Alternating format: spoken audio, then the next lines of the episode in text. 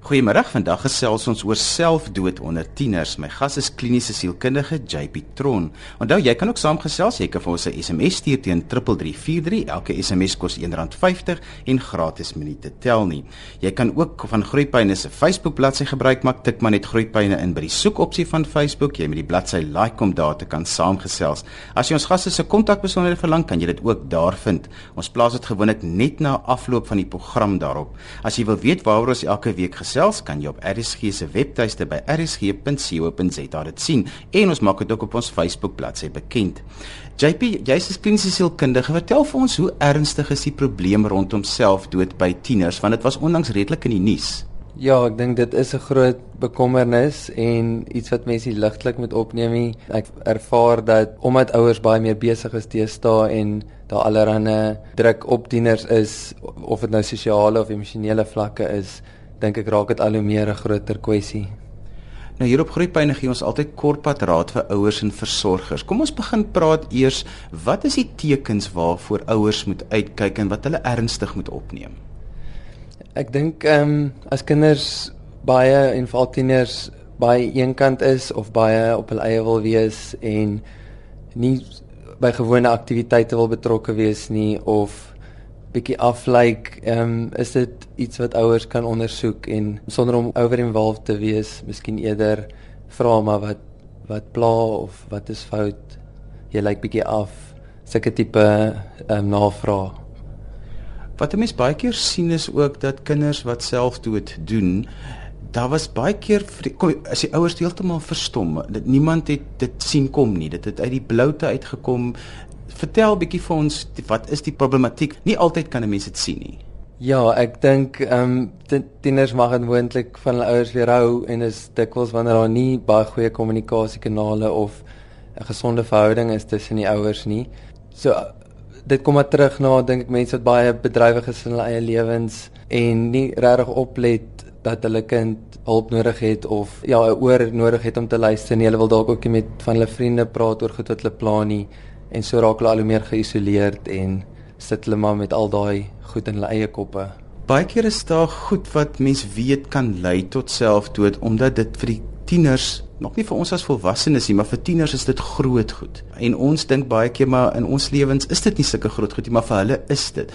Wat is die goed wat gebeur wat so groot is dat ek op die einde besluit ek gaan 'n einde maak aan my lewe? Ek dink wat mense nie besef nie is as tiener gaan hulle deur 'n volgende ontwikkelingsfase waar dit amper soos 'n baba wat moet leer loop en al hoe meer wegbeweeg van hulle ouers af in tienerjare is al volgende wegbeweeg van die ouers of meer op hulle eie voete staan en allerlei druk en verantwoordelikhede in hulle peergroepe en so daai is dikwels die omdat 'n moeilike tyd in 'n menslike ontwikkelings se lewe is is daar geweldige druk op hulle psiges. Ehm um, dit kan dan nou wissel van of hulle inpas by hulle groepe of by die ander kinders of hulle baie anders voel of miskien selfs weird voel. Ehm um, daai tipe goed is geweldige vrae en kwessies vir tieners en daar's nie altyd 'n 'n spasie waar hulle daar kan praat of dit verder deurdinkie. Dit raak dit baie oorweldigend. Iets so sosiale media wat daar gebeur, het ek ook opgetel die laaste tyd. Dit is iets wat die kinders nie weet hoe om te hanteer nie en die impak daarvan, selfs boelie wat ook baie keer deur sosiale media gebeur. Nou weet 'n kind nie waarheen om te gaan daarmee nie en dis ook iets wat hulle dink hulle ouers gaan verstaan nie. Ja, dis amper die survival of the fittest tipe ding baie keer in die skoolgronde kinders met sterker amper persoonlikhede of baie ehm um, selfvertroue en goeters knou dikwels ander af op fyn emosionele maniere soms en partykeer op baie meer duidelike aggressiewe maniere en dan party skiet dit af as nee maar hulle moet maar net aanpas en hulle moet ook net kan survive. Ehm um, tog is dit iets wat met die kind moet explore word en geëksploreer word en oor gepraat word want dit plaas dalk baie meer druk op hulle as wat mense besef en as wat dit op die oppervlak lyk. Baie ouers het maar net so wat ek in Engelse woord wil gebruik 'n gut feeling. Mense het baie keer 'n gut feeling. Ek kan nie my vinger daarop sit nie, maar iets is nie heeltemal lekker by my kind nie. Hy's nie die kind wat hy was nie. Wat is my volgende stap? Want baie keer wil 'n ouer ook nou nie onnodiglik konflik in die huis veroorsaak of die kind onder druk sit nie, maar iets pla jou. Iets is nie reg nie. En ek sê altyd dan moet 'n mens optree, maar wat is die volgende stap? Dink ouers moet daai voorgevoel ernstig opneem en nie net af afmaak nie. En daar's verskillende maniere hoe hulle dit met hulle kind kan benader en dis dikwels net om te vra, "Wie ek tel op, jy jy lyk like bietjie af vir my of dit lyk asof iets jou pla, wil jy dalk daar gesels. Met ander woorde sonder om te inmengerig te raak of te wil oorneem vir die kind want dit is belangrik vir hulle in tienerfase om goed op hulle eie ook te kan hanteer maar ek dink daai belangstelling van die ouers se kant af kan 'n platform skep dat goed eerder kan begin na gekyk word as wat dit net in stilte hoef te dat die kind hoef te struggle daarmee op sy eie. Hoe doen tieners selfdood? Wel daar's dieselfde seker as groot mense. Daar's daar's so baie maniere hoe hoe mense dink of be, begin beplan hoe hulle lewe wil beëindig. Ehm um, soms is dit 'n tipe van 'n uitroep of net 'n uh nie 'n vol, volledige poging nie. Ehm um, wat soms net 'n kommunikasie is dat hulle hulp nodig het. Ander kere is dit meer ekstreem. Ehm um, ek dink daai gedagtes is by baie tieners ehm um, teenwoordig. Dit is ek dink baie meer algemeen as wat mense besef. Ehm um, as die lewe nie lekker is nie of baie moeilik raak, dan sien sekere tieners dit as 'n uitkoms of 'n of dan 'n vraag vir hulp Ek sê bly jy noem daai vrae vir hulp ene waar 'n tiener 'n poging aanwend wat baie keer fataal is, maar baie keer hopelik nie is nie. Hoe hanteer ek daardie hele situasie? Wat is my optrede? Waar begin ek om dit te hanteer? Ja, ek dink waar baie mense die fout maak is om dit te sien as manipulerende gedrag, maar dit is miskien op daai stadium al opsie wat die tiener dan gesien het en hulle kon dit dalk nie in woorde of in kommunikasie uitdruk nie. So dit is nie die mees effektiefste manier om met sulke goed te deel nie, maar dit is wat hulle op daai oomblik miskien gesien het as die enigste manier om dit te kommunikeer. So ek dink mense moet met sensitiwiteit daaroor omgaan en dit nie net afmaak as cowardly of moedswillig of manipulerend nie. Dis dis soms hulle manier om te kommunikeer. As 'n mens baie keer praat met mense wat 'n uh, poging oorleef het, dan sê hulle altyd vir jou, hulle het op daardie stadium gereken dat die wêreld regtig 'n beter plek sal wees as hulle nie meer daar is nie. Wat sê tieners vir jou in terapie wanneer hulle kom oor hoekom? As ek jou reg verstaan, is daar die verstaan dat kinders soms dink die wêreld gaan 'n beter plek wees sonder hulle. En ek dink dit het te doen met moontlik te doen met dat hulle voel hulle is 'n oorlas of hulle ja, hulle maak dinge meer gekompliseer of hulle is in die pad en daai tipe gedagtes, dit kan in allerlei huisgesinne ontstaan waar onsekerhede is vir die kind en waar hulle voel maar hulle maak nie 'n bydrae nie tot die huisgesin nie of hulle is net in die pad en 'n uh, oorlas en dat die wêreld dan amper 'n beter plek sonder hulle sal wees. Maar dit is nie altyd dan volle rasioneel die volle prentjie van die ding nie, maar dis hoe hulle dalk sien op daai stadium. En as 'n tiener vir jou sê dit wat nou met my gebeur het by die skool of by 'n sosiale geleentheid is so erg dat niks sal ooit weer daarna dieselfde wees nie. Hoe hanteer 'n ouer dit? Ja, ek dink wat wat in daai geval soms uitspeel is die die manier hoe tieners soms dink 'n bietjie all or nothing. Ehm um, dinge is baie keer in extreme en ek dink ouers ervaar ook dit soms as 'n frustrasie in alledaagse situasies. Ehm um, hulle is of ehm um, hiper bly oor is en baie gelukkig oor 'n ding of hulle is baie af of baie negatief oor 'n ding en is baie keer op extreme um, punte van die spektrum waar ek dink wanneer 'n mens meer ehm um, soos jy volwasse raak en jou siege sterker raak, leer jy om goed bietjie meer gematig te hanteer. Goed is nie alles sleg of alles goed nie. En ek dink is daai twee ekstreems wat tieners soms meer nog sukkel. Hulle gaan na die uiterste toe. Ehm um, of dit is om grense te toets of dit is om hulle hulle self omdat hulle self nog ontwikkel en hulle eie ehm um, grense toets so dis die grense van ouers en reëls as ook hulle eie grense en dis nog baie keer op die extremes. Ek dink baie van die probleme is ook dat ouers nie regtig weet hoe om met hulle tieners te praat en te kommunikeer nie of ook nie 'n veilige ruimte te kan skep waar 'n tiener met enige iets na hulle toe kan kom nie. Al sê hulle vir die tiener, jy kan met enige iets na my toe kom. Maar tieners doen dit nie altyd nie. Watse raad en wenke het jy vir ouers en versorgers? Ja, ek ek dink al is dit wat die tiener kommunikeer dink ek nie hulle probeer sê hulle wil glad hierdie ouers betrokke mee nie. Ek dink dit is dis juist daai vrae na ek wil bietjie op my eie voete staan, eie besluite begin neem. Dit is vir my belangrik. Tog al kommunikeer hulle hulle wil nie hulle ouers met inmeng nie. Daar is 'n behoefte van 'n kind wil altyd nog steeds geliefd voel en voel hulle ouers gee om.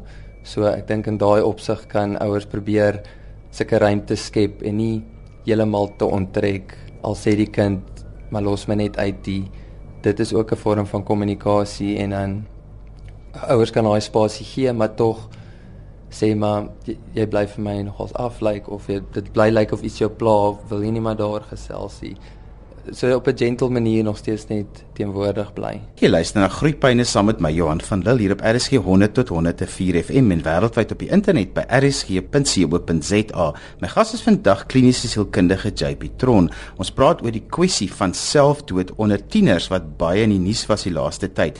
As jy die eerste gedeelte van ons program gemis het of weer daarna wil luister, laai gerus die potgooi af by rsg.co.za. JP, ons het nou die eerste helfte van die program redelik gepraat oor die oorsake en die hoekom en waarom en wat 'n mens moet doen.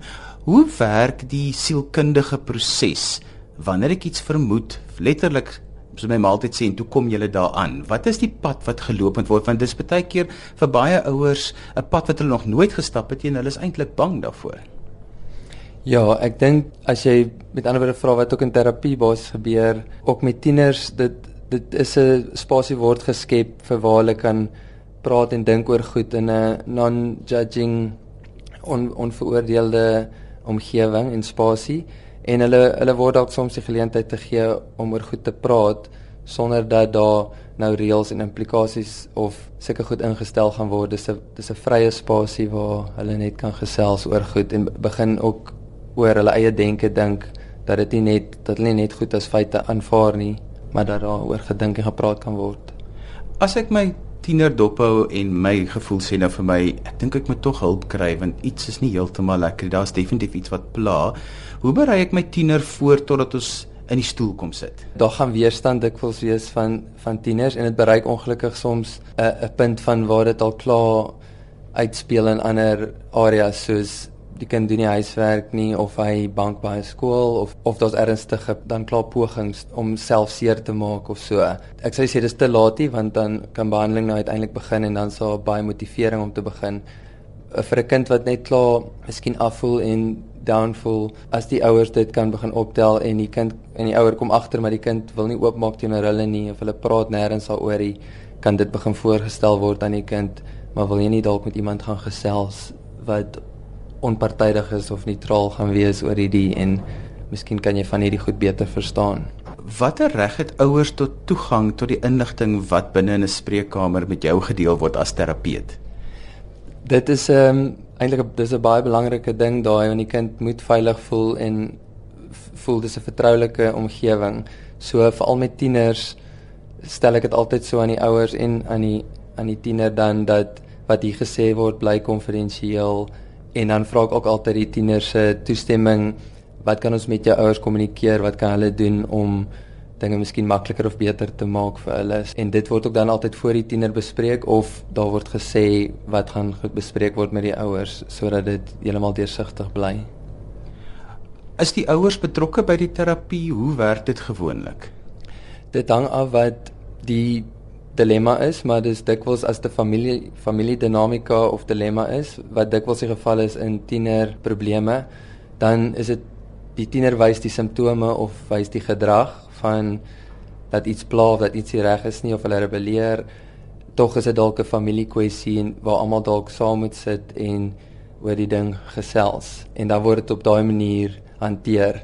Wanneer dit meer 'n geval is van die tiener wil alleen met my praat, dan word die ouers tot 'n mate op hoogte gehou maar nie konstant hier is ook dan meer spasie vir die tiener om in te gesels en die ouer word dan ingelig soos die tiener ook gemaklik mee voel wat hy wil kommunikeer en jy's om daai konfidensialiteit te beskerm en en die spasie vir hulle so te hou dat hulle oor enigiets kan gesels. As jou tiener vaskop en sê nee maar daar's niks fout nie, nee maar daar's niks fout nie, maar jy weet daar's iets fout. Wat maak 'n ouer in so 'n geval? Dit hang seker af hoe groot die ouers se bekommernis is. Ehm um, hulle kan ook dalk self ondersoek doen is ek dalk baie angstige persoon self of worry ek dalk baie vinnig of maklik. Daar is soms bietjie eers self-eksplorasie nodig. Tog as as hulle voel hulle hulle bekommernis het gronde, dan kan daar met die kind of met van sy vriende gekommunikeer word en hulle bekommernis kan so oorgedra word. Julle sê dis oukei, okay, tog bly jy hierdie en hierdie doen. So ek wonder of daar nie regtig iets is wat pla nie. Ek weet nou al want ek werk self ook baie met tieners. Wat is die vrae wat hulle eerste vir jou kom vra as hulle in die stoel kom sit en wat vra jy vir hulle want dis altyd wat hulle wil weet is wat gaan die oom met my praat? Ja.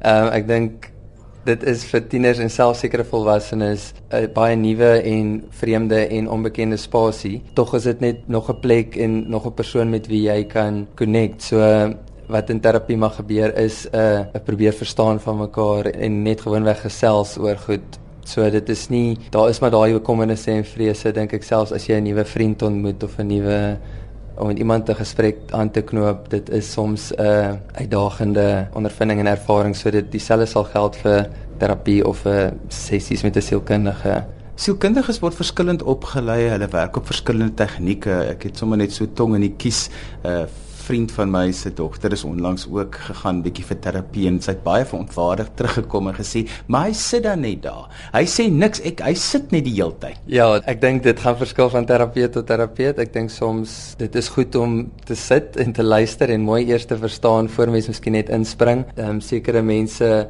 voel nie gehoor nie as die terapeut net met sy eie idees en gedagtes heeltyd kom. So ek dink die rede vir miskien meer stil sit vir 'n terapeut soms is juis om eers 'n mooi prentjie te vorm van wat aangaan. Dit kan sommige mense ongemaklik maak as die terapeut te stil is. Aan die ander kant kan dit ook aan hom gekommunikeer of aan haar gekommunikeer word dat dit hulle pla as hy so stil is of sy so stil is. Ouers wil graag weet, gaan dit opgelos word in 'n 5 of 6 sessies of is dit iets wat baie lankdurig is, gaan dit my baie geld kos?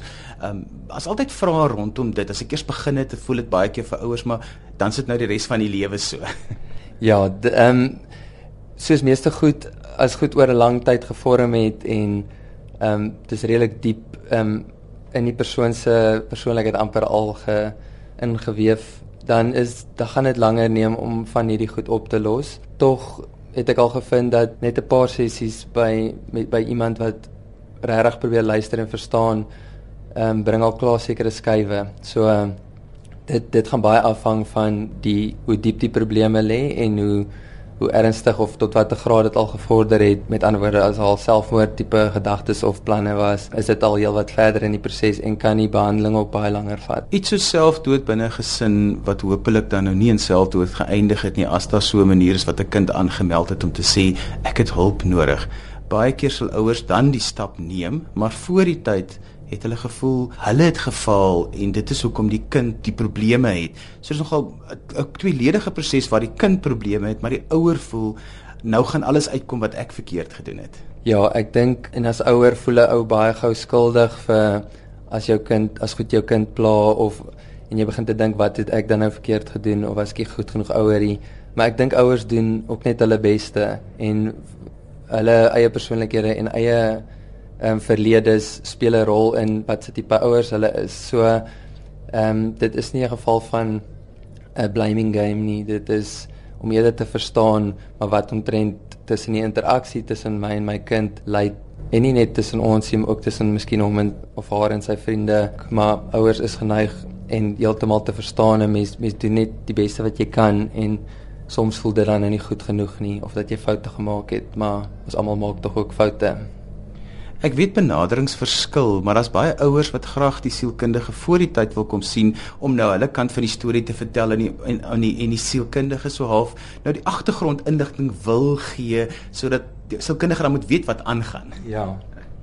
Dit is dit het sy plek en het Marite, ek dink ouers kan veral by die vroegontwikkeling van die kind baie meer inligting gee wat die kind dalk self van kan gee nie, wat die sielkundige dan 'n beter prentjie gee van wat nodig is um, om die probleem regtig te verstaan. Mens wil ook die kind se ervaring van dinge ehm um, leer ken en verstaan. So, ek dink daar mense kan 'n balans handhaaf daar van 'n goeie geskiedenis kry van die ouers se kant af. Wanneer daar iets so selfdood in 'n gesin was, is dit geweldig traumaties vir so 'n gesin. So 'n gesin is nooit weer dieselfde nie. Hoe tel 'n mens die stukke op veral wanneer daar nog kinders in die gesin is? Sulke goed los letsels en goeters bly hangend, maar ek dink tog as sodra mens dan oor goed begin praat en regtig daarna begin kyk, is daar geleentheid vir herstel en geleentheid vir om te verstaan wat aangaan en om dinge te verander. Ek dink as goed begin oor gepraat word en deur dink word dan skep dit 'n geleentheid vir groei en verandering en vir die genesing van daai tipe wonde wat dan gelaat is deur so 'n insident. Hoe verduidelik ek vir die ander kinders presies wat selfdood is en hoekom dit gebeur het? Ja, seker goed's baie moeilik om oor te praat. Ek dink mense voel soms verneder deur so iets of hulle 'n sekere trots. So dis nie maklike ding om dis nie 'n maklike ding om te kommunikeer of oor te vertel nie. Tog en dit op sigself, ek dink hoe meer mense daaroor dalk praat met iemand, ehm um, raak dit dalk makliker om so iets te kommunikeer of aan ander te vertel. Um, dan hoef dit nie so geheim te gehou word en verdere druk te veroorsaak in mense se lewens nie. JP, so laaste slotgedagte, waarvoor moet ouers uitkyk en wanneer moet hulle mense kom sien? Ek dink enige tekens van kyk kinders gaan soms afvoel, hulle gaan soms af like, hulle gaan soms uitreageer of ehm um, selfs 'n keer rebelleer of sy te goed aanjaag. En ek dink wat ouers net moet probeer in gedagte hou is om betrokke te wees by jou kind se lewe en 'n spasie en ruimte, veilige ruimte te skep dat hulle wel oor goed kan praat as hulle wil. In terme van uitkyk vir goed is maar as kind homself baie isoleer of baie aflyk of baie waghalsige of uitreagerende gedrag toon, dan sou ek sê mens meer ondersoek instel. So ek baie dankie dat jy in jou spreekkamer kon kom kuier dit vanmiddag. Hoe kan mense met jou kontak maak as hulle dalk wil uitkom by jou? Ek het 'n webwerf, um, www.jptron.co.za of hulle kan my e-mail by jpt.therapist@gmail.com of gerus skakel 082 88 13440. Enix in Bellville en Stellenbosch. Dis nou alwaar vir ons tyd het vir vandag. Onthou jy kan weer na die program luister as 'n potgooi. Laai dit af by rsg.co.za. Tik maar net groeipyne in by die soekopsie en al ons vorige programme sal jy daar gratis kan aflaai om na te luister. Ons gaste se kontakbesonderhede verskyn op ons Facebook bladsy of jy kan vir my 'n e-pos stuur, dan stuur ek dit vir jou aan. My e-posadres is groeipyne@rsg.co.za. Ons programregisseur soos gewoonlik was Liselde Brein. Tot 'n volgende keer van my Johan van Lille. Totsiens.